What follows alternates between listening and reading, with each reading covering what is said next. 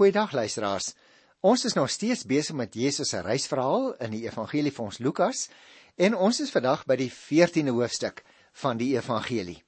Dit is ook 'n baie interessante gedeelte waar die Here Jesus 'n man wat aan water gelei het, genees het. Kom ek lees dit eers. Op 'n Sabbatdag, toe Jesus na die huis van 'n vooraanstaande Fariseer toe gegaan het om daar te eet, het hulle hom fyn dopgehou. Reg voor hom was daar 'n man wat aan water gelei het. Jesus praat met die wetgeleerdes en die fariseërs en vra: "Mag 'n mens iemand op die Sabbatdag gesond maak of nie?" Maar hulle het stil gebly. Toe trek Jesus die sieke nader, maak hom gesond en laat hom gaan. Daarna sê hy vir hulle: "Sien nou 'n seun of 'n bees of een van julle val in 'n put, sal hy hom nie dadelik uithaal nie, al is dit op 'n Sabbatdag." Hulle kon daar niks op antwoord nie. Jy sien luisteraar, hierdie derde genesing op 'n Sabbatdag van juis plaas in die huis van 'n vooraanstaande Fariseer. Kan jy jou die konsternasie voorstel? Hulle die Here Jesus fyn dopgehou staan daar om te sien of hy iets doen waaroor hom kan beskuldig. Nou die deur van die huis is gewoonlik oopgelaat in daardie tyd sodat sodat nuuskieriges ook kon inkyk as hulle verbystap. Die man wat nou aan water gelei het, lees ons was reg voor Jesus. Dit laat nou die indruk dat die fariseer hom doelbewus daar geplaas het om te sien wat Jesus sou doen. Die vraag wat Jesus aan hulle stel, wys ook in die rigting. Die gebruik tussen hakies van mediese terme beteken nie noodwendig dat Lukas 'n mediese dokter was nie, maar wel dat hy 'n geleerde man was. Die meeste Nuwe Testamentiese aanvaar egter dat hy wel 'n geneesheer was. Die siek man lees ons hier het aan water gelei. Dit beteken dat daar abnormale volumes water in die weefsel en in die holtes van sy liggaam opgegaar het. Met die genesing van hierdie man wat aan water gelei het, het die Here Jesus duidelik aangetoon dat hy die Fariseërs se streng Sabbatsbeskouing verwerp het. Die Fariseërs was egter meer begaan oor hulle tradisies as oor die betekenis van God se Sabbatswet. Die doel van die Sabbatswet was nie om die mense te bind en te verdruk en te laat swaar kry nie, maar juis om hulle kans te gee om na die week se werk te herstel. Die Here Jesus het hierdie man herstel deur hom volkome van sy siekte en ook van al sy probleme wat daarmee gepaard gegaan het te genees. O luisteraar genade en barmhartigheid. Dit is altyd belangriker as onverbiddelike wetsonderhouding. Interessant dat hulle stil gebly het. Dit is gelees daar in vers 4. Waarskynlik verleë omdat Jesus die inisiatief uit hulle hande geneem het. Miskien onthou hulle ook nog wat kort van tevore in die sinagoge gebeur het, né, wat ons in die vorige program behandel het. Op hulle stilswye trek die Here Jesus nou die sieke nader, genees hom en laat hom gaan. Jesus gaan nou self op die wetsaspek in. Hy sê as 'n seun of 'n bees of 'n fariseer op die Sabbatdag in 'n put sou val, is dit geoorloof om hom dadelik uit te haal. As dit die geval is, behoort hulle ook die naaste uit sy nood te help, verklaar die Here Jesus. Jy sien hulle behartigheid word op so 'n wyse ontbloot dat hulle geen antwoord gehad het nie. staan daar. 'n Mens wil amper sê lekker, maar nou ja, luisteraar, jy en ek moet liewer aan in eie hart steek en vra of ons nie ook maar baie kere so wetties is in ons godsdienstige opvattinge nie. Nou in die algemeen wil ek eers sê van vers 7 af waar dit nou handel oor die gelykenis oor beskeidenheid en gasvryheid dat die Here Jesus hier vir mense twee lesse in die gedeelte gaan leer. Die eerste was dat 'n gas nooit die ereplek moet probeer kry nie. Want diens en diensbaarheid is in God se koninkryk baie belangriker as status. En tweedens het hy vir die gasheer gesê om nie kieskeurig te wees oor wie hy nooi nie. Want jy sien luisteraar, God se koninkryk staan oop vir almal, veral ook vir diegene wat hom nooit vir die uitnodiging kan vergoed nie. Jy en ek moet versigtig wees dat ons oor ander wil uitsprake gee terwyl ons dink ons het aanspraak op die koninkryk en dit is natuurlik nie waar nie. Kom ons lees hierdie paar verse van uh, Lukas 14 van vers 7 af. Toe Jesus merk hoe hulle die voorste plekke aan tafel uitsoek, vertel hy aan die genooides die volgende gelykenis. As iemand jou na 'n bruilof toenooi, moet jy nie sommer op die voorste plek gaan sit nie. Dit kan net wees dat die gasheer iemand uitgenooi het wat belangriker is as jy. Dan sal hy wat julle albei uitgenooi het, na jou toe kom en sê: "Gee bietjie die plek af vir hierdie man." Jy sal dan tot jou skande die agterste plek moet gaan inneem. Maar as jy uitgenooi is, gaan sit liewer op die agterste plek. Wanneer die gasheer kom, sal hy dalk vir jou kan sê: "Vriend, kom sit hier voor." dan sal jy in die agting van al die gaste styg. elkeen wat hoogmoedig is, sal verneder word en elkeen wat nederig is, sal verhoog word. Het jy opgemerk luisteraar, die Here Jesus het die mense aangeraai om nie die eerste en die beste plekke by bruilof vir hulle self uit te kies en daarop af te storm nie. Mense is eintlik vandag maar nog net so gretig hoor om hulle status te verhoog deur saam met die in aanhalingstekens regte mense gesien te word. Reg aan te trek en in statusmotors rond te ry. Nou natuurlik, luisteraars, dis nie verkeerd om 'n goeie motor te te te besit of na sukses in jou werk te streef nie, maar is wel verkeerd as 'n mens net hierdie dinge begeer sodat jy ander daardeur kan beïndruk. Probeer jy nie ook dalk baie keer mense beïndruk nie? Ag man, hou op om altyd die prestige na te streef. Hou liewer jou oë op die geleenthede om te dien. As God wil hê dat jou werk vir hom meer in die kalklig moet wees, dan sal hy self daarvoor sorg. Jy hoef nie daarna te soek nie. Die vraag is natuurlik, hoe word 'n mens soos jy en ek nederig? Want party mense probeer net nederig lyk sodat hulle ander kan manipuleer. Mense wat regtig nederig is, vergelyk hulle self net met Christus, hoor. Dan besef 'n mens immers altyd hoe vol sonde jy is en hoe beperk jou eie vermoëns is en jou eie talente en kennis as jy jou aan die Here Jesus sou probeer meet. Nederigheid beteken nie dat 'n mens jouself hoef af te kraak nie. Maar dis 'n baie realistiese bevestiging van die werklikheid. Mense wat opreg nederig is, word nie so omdat hulle probeer om nederig te wees nie. Nee, hulle is nederig omdat hulle verhouding met God reg is. En daarom kom ons kyk hier van vers 12 af.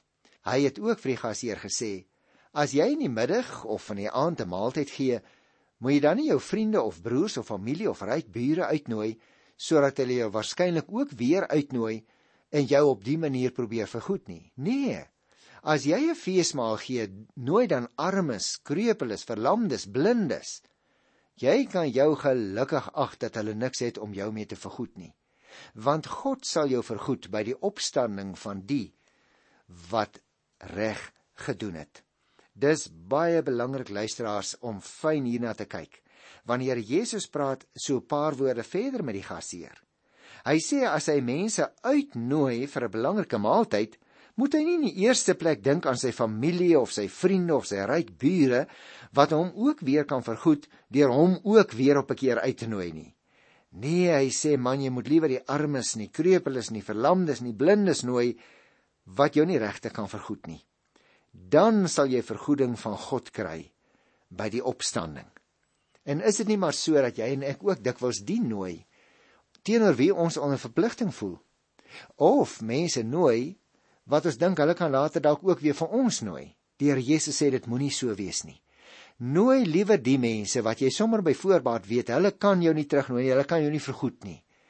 Want God gaan jou op die groot opstanningsdag van die Here daarvoor vergoed. Kom ons lees hierdie gelykenis van die groot maaltyd. Dis ook interessant, een een van die mense wat saam aan tafel was, het dit gehoor vir Jesus gesê: "Gelukkig is die man wat aan die maaltyd in die koninkryk van God kan deelneem." Toe sê Jesus vir hom: "Nou, dadelik vertel die Here 'n storieetjie. Daar was 'n man wat 'n groot maaltyd gegee het en baie mense uitgenooi het. Toe die maaltyd gereed was, stuur hy sy slaaf om vir die genooides te sê: "Kom, die maaltyd staan klaar." Maar hulle begin almal die een aan die ander verskoning maak. Luister die eerste ou se verskoning. Hy sê ek het 'n stuk grond gekoop en dit is noodsaaklik dat ek uitgaan om daarna te kyk. Ek vra u verskoon my asseblief. Nou luisteraar, wie gaan kyk nou na 'n stuk grond in die aand? Maar luister na die tweede verskoning. 'n Ander een sê, ek het 5 paar osse gekoop en gaan hulle probeer. Ek vra u, verskoon my asseblief. Ek wil ook vir jou vra, wie gaan nou in die aand 'n nuwe span osse wat hy gekoop het probeer.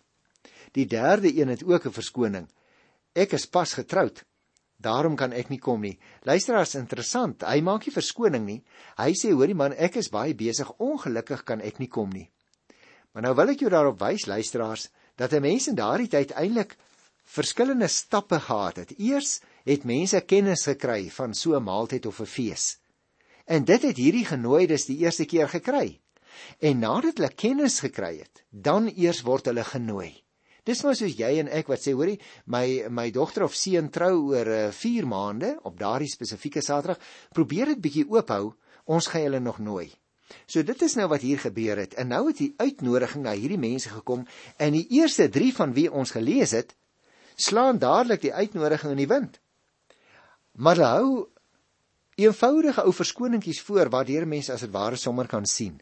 Pas getroud of 'n stuk grond gekoop uh of of 'n uh, osse wat jy wou gaan uitprobeer. Dit is ooglopend. Hulle wil dit sommer net nie bywoon nie. Maar nou word dieselfde slaaf 'n twee keer gestuur. Die man word te kwaad vir sy slaaf staan hier. Gaan uit in die strate en die gangetjies van die stad en bring die armes en die krepeles en die blindes en die verlammes hierheen. Later kom die slaaf en sê: "Meneer, u opdrag is uitgevoer en daar is nog plek." Interessant luisteraars, hierdie tweede keer wat die slaaf uitgestuur is, word die kring so 'n bietjie weier. Nou steur hy hom nie meer aan die aanvanklike genooides nie. Maar nou gaan hy so bietjie na die mense wat jy en ek sou sê, ag man, dit is nou die ouens wat so bietjie uitgesak het uit die maatskappy, die ouens wat eintlik nie deel is van ons groep nie, die ouens wat nie deel is van die kerklike gemeenskap nie. So nou word die slaaf na hulle gestuur en is baie duidelik sommige van hulle het gekom. Ek wil vir jou vra luisteraar, hoeveel mense wat nie te maak het met die kerk nie, bevriend jy met die oog om hulle uiteindelik te nooi? Dink jy nie dis dalk tyd nie want dalk mag sommige van hulle kom. Maar luister nou word die slaaf vir derde keer uitgestuur. Hier staan in vers 23 toe sê die man vir die slaaf: "Gaan uit na die paaie en die landings en dring by hulle daarop aan om in te kom." sodat my huis kan vol word. Dit verseker ek julle. Nie een van die mense wat genooi is, sal sy mond aan my kos sit nie. Nou word die slaaf na 'n derde kring mense gestuur. Dit is nie die aanvanklike genooides nie. Dis ook dis ook nie die mense wat so bietjie naby daar buite kan staan nie, maar dit is nou hulle wat regtig heeltemal totaal uitgeval het uit die maatskappy. In ons terme vandag sou ek sê, dis nou die boemelaars, dis miskien uh mense wat in plakkerskampe woon. Dit is dalk selfs HIV positiewe mense wat nie deur die maatskappy gereken word nie wat dikwels ook nie deur jou en my raak gesien word nie. En nou word daar die slaaf na hulle toe gestuur. Hoekom? Sodat my huis kan vol word. Maar let op die verskriklike sterk uitspraak in vers 24. Dit verseker ek julle, nie een van die mense wat genooi is, sal sy mond aan my kos sit nie. As jy nou vir my vra luisteraar somme bietjie hierdie hele gelykenis op in een sinnetjie, waaroor gaan dit? Dan sou ek sê dit gaan oor hierdie belangrike punt. Selfs die genooides kan die maaltyd mis. En daarom spreek hierdie gelykenis my aan dat ek wat so rustig is omdat ek in die kerk is, glo ook deel is van die koninkryk, dat ek my nie meer steur aan die ander nie maar het ek al werklik by daardie punt gekom van volkomme oorgawe dat die Heilige Gees oor elke faset van my lewe kan regeer? Hoe staan sake met jou? Ons is die genooides luisteraars, maar oppas dat ons nie dalk die maaltyd mis aan die einde van die tyd nie. Kom ons lees 'n volgende afdeling oor die eise van disippelskap. En ek dink dit is ook 'n baie belangrike gedeelte luisteraars in die groot indeling waarin ons Lukas se evangelie indeel, vorm dit so klein 9de afdeling. Dit begin hier by Lukas die 14de hoofstuk by vers 25. 'n Groot menigte het saam met Jesus gereis. Hy draai toe om en sê vir hulle: As iemand na my toe kom, kan hy nie my disippels wees nie tensy hy afstand doen van sy eie vader en moeder en vrou en kinders en broers en susters, ja selfs afstand doen van sy eie lewe. Iemand wat nie sy kruis dra en agter my aankom nie, kan nie my disipel wees nie. Wie van julle wat 'n gebou wil oprig, gaan nie eers sit en die koste bereken om te sien of hy genoeg geld het om die werk te voltooi nie. Anders As hy die fondament gelê het en nie in staat is om die gebou te voltooi nie, sal almal wat dit sien met hom die spot begin dryf. Hulle sal begin sê: "Hier is 'n man wat begin bou het, maar hy kon klaar kry nie." Of watter koning wat met 'n ander koning in 'n oorlog betrokke raak, sal nie eers gaan sit en oorweeg of hy met sy 10000 man sterk genoeg is om die ander teen te staan met 20000 wat teen hom optrek nie. Anders stuur hy 'n afvaardiging om vredesvoorwaardes te vra terwyl die ander een nog ver is. Nou dis ook 'n baie eenvoudige verhaaltjie om te verstaan en ons moenie die betekenis daarvan miskyk nie. Want op pad Jerusalem toe het groot menigtes saam met die Here Jesus gereis. Lees ons in die 25ste vers. En dan van die 28ste af het ons gesien Jesus se navolger moet bereid wees om die prys van disippelskap te betaal. Anders maak hy 'n bespotting van homself. En dit is ook die betekenis van die gelykenis oor 'n man wat begin bou het, maar nie eers vooraf die koste bereken het nie en daarom kon hy nie klaar bou nie. Toe ons van die 31ste vers af gelees het, het ons eintlik 'n tweede gelykenis gekry en dit beklemtoon dieselfde gedagte. Voordat 'n mens byvoorbeeld so 'n belangrike stap neem om Jesus te volg, moet hy seker wees dat hy end uit met die onderneming kan voortgaan. Die prys van disippelskap luisteraars kom neer op selfverloning. En daarom is die eis in vers 33 so belangrik. So kan niemand van julle my disipel wees as hy nie bereid is om van al sy besittings afstand te doen nie. Selfverloning nie waar nie? En daarom hierdie eise vers 33 wil nie sê dat iemand nie besittings mag hê nie. Dis nie bedoeling nie.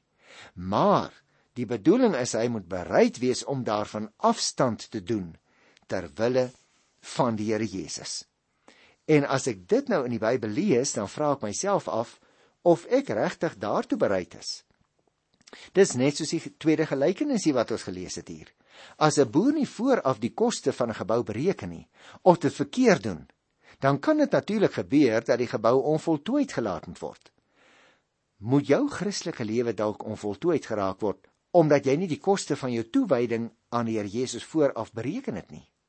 Jy sien luisteraar, 'n Christen sal dalk afstand moet doen van sy geld, miskien selfs op 'n stadium van sy sosiale status.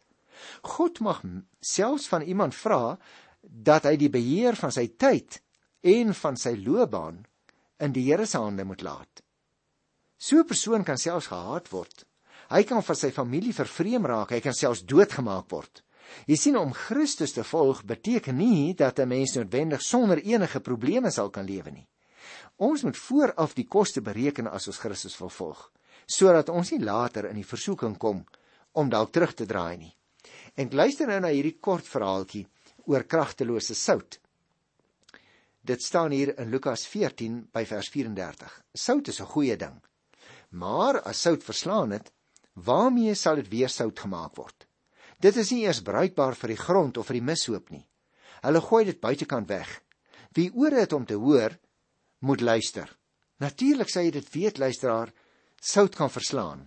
En sout wat nat en weer droog geword het daarna, het eintlik geen ander nut nie as om buitekant weggegooi te word. Nou baie Christene swem ook maar daar buitekant saam met die stroom van hierdie wêreld omdat ons dikwels nie bereid is om standpunt vir die Here Jesus in te neem nie.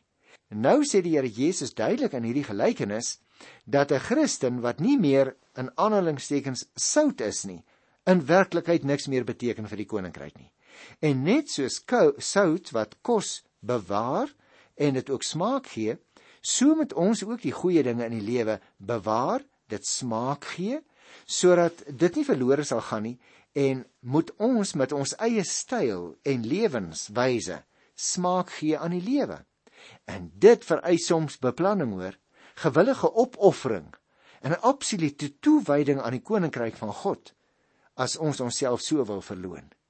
Natuurlik is dit nie maklik om elke dag sout te wees vir die koninkryk nie. Nie waar nie. Maar 'n Christen wat nie daarin kan slaag nie, kan eintlik nie regtig verteenwoordiger van Christus op aarde wees nie. Ek dink hierdie gelykenis vra vir jou en ook vir myself, waar staan ons wat dit betref? Gee ons smaak aan die omstandighede en die situasie rondom ons of nie? En dan kom ons by 'n ander by eintlik by 'n 10de afdeling volgens ons indeling waar is 'n hele paar verskillende gelykenisse en uitsprake het wat nie noodwendig met mekaar verband het nie, maar wat tog vir ons belangrike lesse leer. Nou is ek by Lukas die 15de hoofstuk, die gelykenis van die verlore skaap. Die tollenaars en sondaars het almal die gewoonte gehad om na Jesus te kom luister. Hierteen het die Fariseërs en die skrifgeleerdes beswaar gemaak en gesê hierdie man ontvang sondaars en eet selfs saam met hulle. nou ja. Hoekom was die Fariseërs so ontstel oor die Here Jesus se verbintenis met hierdie mense?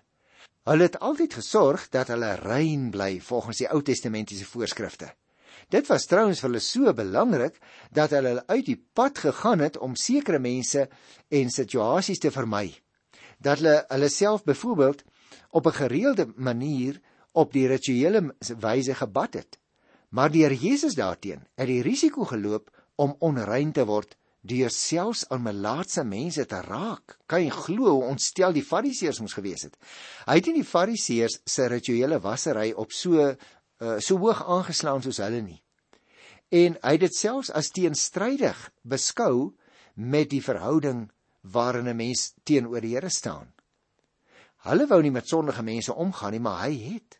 Hy het gekom om in God se naam aan alle sondaars verlossing te bied en te wys dat die Here vir alle mense lief is.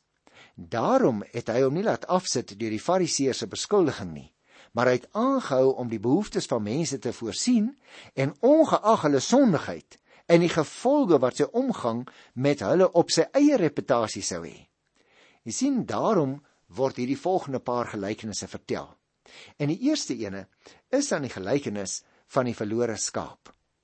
Die Here Jesus het 'n warm belangstelling geopenbaar vir die uitgeworpenes en die sondaars en die tollenaars van wie ons hier lees. En daarom lees ons ook hier het hy 'n gewoonte daarvan gemaak om hulle die geleentheid te gee sodat hulle ook na hom kon kom luister, lees ons. En hieroor het die Fariseërs en die skrifgeleerdes beswaard gevoel, veral ook omdat Jesus saam met die mense eet. Kan jy dit glo in daardie tyd? Gemeenskap met fariseërs en met tollenaars en sondaars het van iemand eintlik nie 'n goeie Jood gemaak nie. Gemeenskap met hulle het 'n mens volgens die fariseërs en die skrifgeleerdes onrein gemaak.